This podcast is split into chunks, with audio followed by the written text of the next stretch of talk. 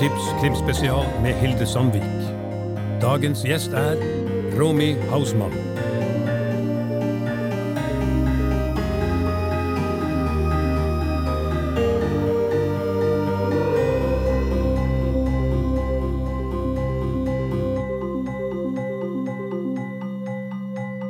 Velkommen til Krimfestivalen. Eh, mitt navn er Hilde Sandvik, som nå har fått æren av å snakke med en ung eh, forfatter fra Tyskland som har kommet inn med et brak inn i krimverden. Eh, Romy Hausmann, welcome to you.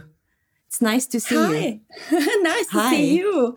I love the language. I only understood Vorvater because I've used that in a video I just shot. Um, I did a little Yeah. video to introduce myself to the Norwegian people uh, lately. And then I, I tried to learn one sentence in, in Norwegian. And what would the first sentence be, you think? What's the first thing you want to tell in Norwegian? Hi, Norge. Jeg er Romy Hausmann, forfatter av Elskede barn. Oh, that's lovely. It's already there. But I mean, the Norwegian audience uh, don't know much about you yet. So if you're going to present yourself to new readers in Norwegian, what would you say? Uh, I would say I'm I'm an author. I had been an unsuccessful author for almost ten years um, until I wrote a thriller. Um, before that, I wrote stories about yeah, women finding their way to themselves. And um, I was rather unsuccessful. Nobody wanted to publish my stories, and I wrote and I wrote and I wrote. And then I wrote my first thriller, which was Dear Child, Elskede Barn, and that was um, yeah the changing point, the turning point in my life. Um, the book got published in Germany, and it yeah had the huge impact almost all around the world. That that sounds not very humble, but but that's just what it was. And um, yes, with that thriller, I'm I'm now yeah addressing to people all around the world. So, how many languages are you now translated into? I guess it's 24 languages now. 24 languages. And before you've written like 20 books. I've read it on your blog. Not 20, but but it was it was 17. Yeah, it was 17 books. 17 17 books yeah uh, but you originally came from east germany you grew up in east Yeah. germany with uh, quite poor parents as you write yourself yeah they didn't have much money so i had um, I, I didn't even had a real bed when i was a baby. I had this little um, from the laundry that that basket from the laundry. That was my baby bed yeah. But they worked Yeah. very hard and, and made some money and um, we we escaped the yeah the gdr in the 1980s by the end of the 1980s and yeah that's the story. But you worked in you worked in media and you were quite early you, you were actually you had a large responsibility in a, in a television company in münchen.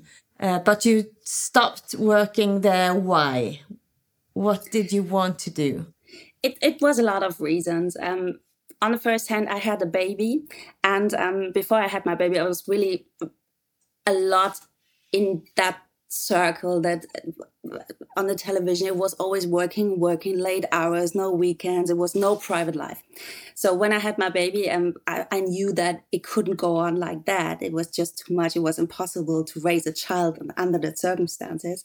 So um, that was the moment when i when i yeah thought i should should do something something something other than that.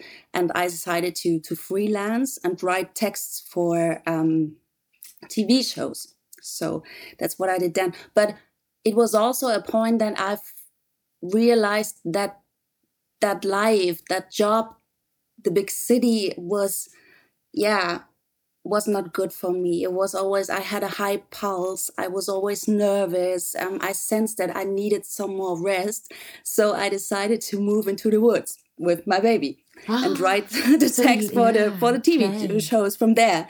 But the problem was I didn't get too many jobs, so I had not a lot of money, and it, it it was a nice life you know it's a nice life when you when you wake up and look out of the window and you see the woods and you you have the nature and you can breathe but on the other hand, I didn't have the money to to fill the fridge. It was yeah. And that's when we, you started writing the other books that you wrote before you wrote Elskede barn. Uh, but what what do you think actually happened in you when you suddenly broke that uh, barrier? I can't tell you. I have no idea. I have I had so many times when I sat there and thought, what did I do different this time? I have no idea because all the yeah. stories um, I have written in my life, they were all coming totally from my heart. I, I'm a very passionate writer. I don't write for any kind of shocking effect or um, I, I, just write with a lot of emotion. That's what I always done. Um, at this moment, it, it just seemed to work, and the publishing houses thought this could work. This is something quite new. It's a, I mean, in, in Germany, it was something rather new to have a thriller that is also emotional. And it is set in the woods. We have to tell a little bit about what is actually happening here because it's it's this combination of being a thriller, but it also, of course, made me think about Josef Fritzl or Natasha Kampusch or stories that we know from uh, Austria or yeah from Germany as well, where girls suddenly disappear and something cruel has happened. But what would you say this your story? Why is it different? It, it's not. It's not. No, actually, actually, it's uh, actually it's it's not that um, different from those stories because actually they were an inspiration to write the story, um, especially the case of Natasha Kampusch. Um, I remember when she flew when she escaped from her captor and i saw her on tv for the first time she gave an interview german tv and i was so impressed by this young woman who seemed to be so strong, so intelligent. I mean, she she didn't go to um, school after she was eight years old.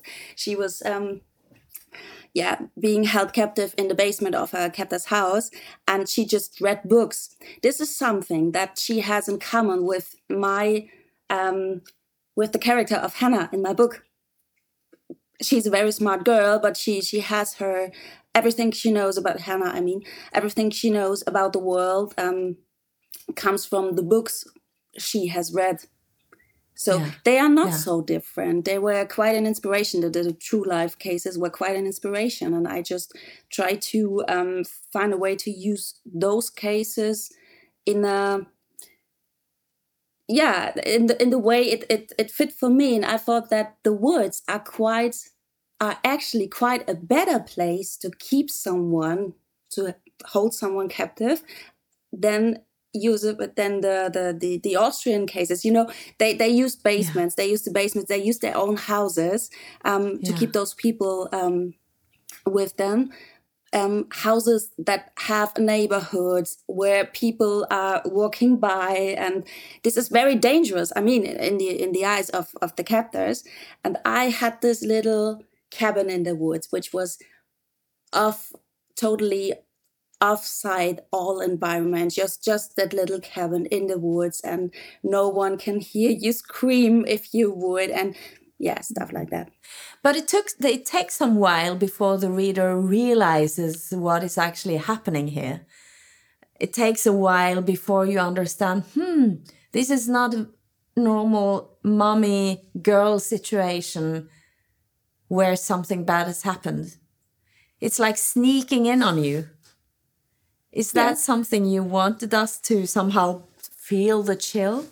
Yes, yes, of course. You know, um, as I said before, I'm I'm not so into shocking effects. Um, I'm not so into explaining everything. I'm more into just throwing you inside and let you feel what my characters feel. You know, when I write, it's like, um, yeah, I I try to be the character I write. Um, you mm. know, um, I really try to feel what um, they felt. I imagine being that person, and this is what I want to, yeah, do you as a reader as well. I, I want you to mm. feel the pain. I want you to feel, mm. yeah, the love and, and all the feelings that come together there. Mm. Is that something you also used as a journalist? You write that you have had stories with uh, refugee women or, or, or women experiencing a hardship. is that also a, a way of working as a journalist when you hear Absolutely. stories told to you? Absolutely. Um, I, I think I had the best interviews because I, I never had a paper. I never had a sheet of paper um, with notes or um, the questions I wanted to ask the people. I just sat there with them like a friend and just talked to them and listened. And if you listen well enough, you know what question would be the next. And, and I was, I often cried when I did my interviews because um, I heard a lot of stories that touched me very deeply. And um, yeah, I, think I always treated people with respect and I always try to, yeah, see their point of view. This is what I did as a journalist and this is what I do now. So there hasn't been much change actually. What kind of research did you do when you did this uh, Elskede Barn? Did you read something from Natasha Kampusch, for instance? What kind of thoughts went through your head while you were about to create those the the women and and also the boy who experienced this horrible story. In the course of writing i didn't do much research actually. I i had read a lot about the natasha kampusch case beforehand but um, more out of my personal interest than um, for the work of my book. Um, i knew a lot but um, when I wrote the story, it was no, I didn't do much research. When when I was finished with the story, um, I talked to a trauma expert and asked her, could this be the way someone who has experienced this would behave? Does it feel realistic? What do you think? And and she she told me that it was, yeah, that I quite nailed it. Yeah, it was just imagining. Um, in the case of Hannah, for example, I just mm. imagined I would Hannah, you have to tell girl. who Hannah is. Tell who Hannah, Hannah, is. Hannah is a little girl. She's 13 years old, and she hasn't spent any day of her life outside that cabin in the woods. She was born there. She grew up there, and the night her mother escapes from there and has that accident the books is starting with. Um, Hannah gets out in the real world for the first time. So, and everything she knows about the world, um, she knows that from the books she has read, from the stories her parents have told her. So, the complete view of her world is, yeah, different from the world is is re- really like. So, um, she has to sneak her way into the real world and um, has to find out that a lot of things are quite different than in her books or in the stories that her parents have told her. Yeah, in, in the case of Hannah, it was just, I imagined like I was that little girl. I felt like a little alien coming from from another planet, you know. You haven't seen anything of this world. All is totally new. Yeah. And it was it was quite fun yeah? And she she was also the the character i had most fun to write because um yeah imagining coming into a hospital which is hannah's first scene. She she comes into a hospital she doesn't know that. And just yeah imagining what it would be like for me if i came into a hospital for the first time. That was amazing. Yeah. that was so much fun and I, I remember when I saw the interview with Natasha Kampusch, I think it must be the same interview that you saw back in the days when she came out and she gave this first interview. And I was struck by her that she was so calm. She was also all, almost a kind of a Madonna like person sitting there in a way that was almost disturbing. Do you understand what I mean? Yeah. Uh, as if she, I, I, I mean, because you think that a person like that should be completely broken. And that kind of strength was almost impossible to bear looking at. Yeah, that's exactly what I what I thought when I saw her. Um, I was um, shocked. I was in awe. Um, there were a lot of feelings that that came out when when I experienced her TV uh, appearance, and um, yeah, and that is something you can read into your book, the strength. That's that's an interesting point that we always think that if someone suffers something real bad, I mean, for example, a woman that gets raped, So you you think that she's completely broken and that she maybe has suicidal then uh, suicide suicidal thoughts. And um, sometimes it's it's not like that. And in in the literature in, in thriller literature you you often have um, female characters that experience something really bad and they're completely down when you start um, reading the book and, and then it gets better and better and better. You got that curve like this. But this is totally yeah it's it's unrealistic you know? Someone who has experienced something bad has good days and bad days and they have days when they are feeling very very strong and like um, i have survived now i'm doing the best out of my life the best i can and they have bad days when they really think oh it, it will never leave me. This will never leave me what happened to me. It will always be like a shadow in my head or you know and this is also something that I didn't want to do. I wanted to write about victims in a way that, yeah, kind of respects them. You know what I mean? Um, not the, the cliche victim, because I always think, what if someone who has suffered something bad reads my story? If I write them like, um, you, you can recover from that very easily within 300 pages, I guess they it, it would be unfair and they would be offended. So I just I always try to be very realistic and yeah. But the perpetrator here is uh, you don't have much empathy with him. Uh, I do. And the way he's I described, is it? Do you? Yeah, I, I do. Um, yeah, in a way, yeah, yeah, yeah. I understand what you mean. Yeah, yeah. Tell me about him yeah, not I, without revealing. I, can't. Yeah. I can't spoil it. You know. no. But this is no. someone who has who has um, also experienced something that has completely changed his life, and this is the reason that he does what he does. And he's not someone who's degenerated from birth, like like some monster who's came to the world he came alive as a monster. That's not him. He's someone quite normal, just like all the other characters. They're all normal people. Everyone. They're normal people and they are what they are because of all the things that happened to them and that shaped hmm. them. What are you writing on now? Have you started on something new? Oh yes, I'm so happy. Um, I started writing on my third thriller because, you know, last spring my second thriller came out in Germany, and now I'm writing on the third one. And this is um, very, oh, yeah, it's, oh, it's, yeah, it's good. Can you say something about it? About the Where third thriller? Oh my God. Yeah. Um, I, I have a claim you want to hear my claim? Yes. the claim is uh, the power of fantasy can be uh, comforting or deadly. Oh, that's, wow. Yeah. That's the claim. Mm. Yeah. that's the claim. And there, then we are left with one or both options. I guess it can be both. Yes, of course. Of course. Mm.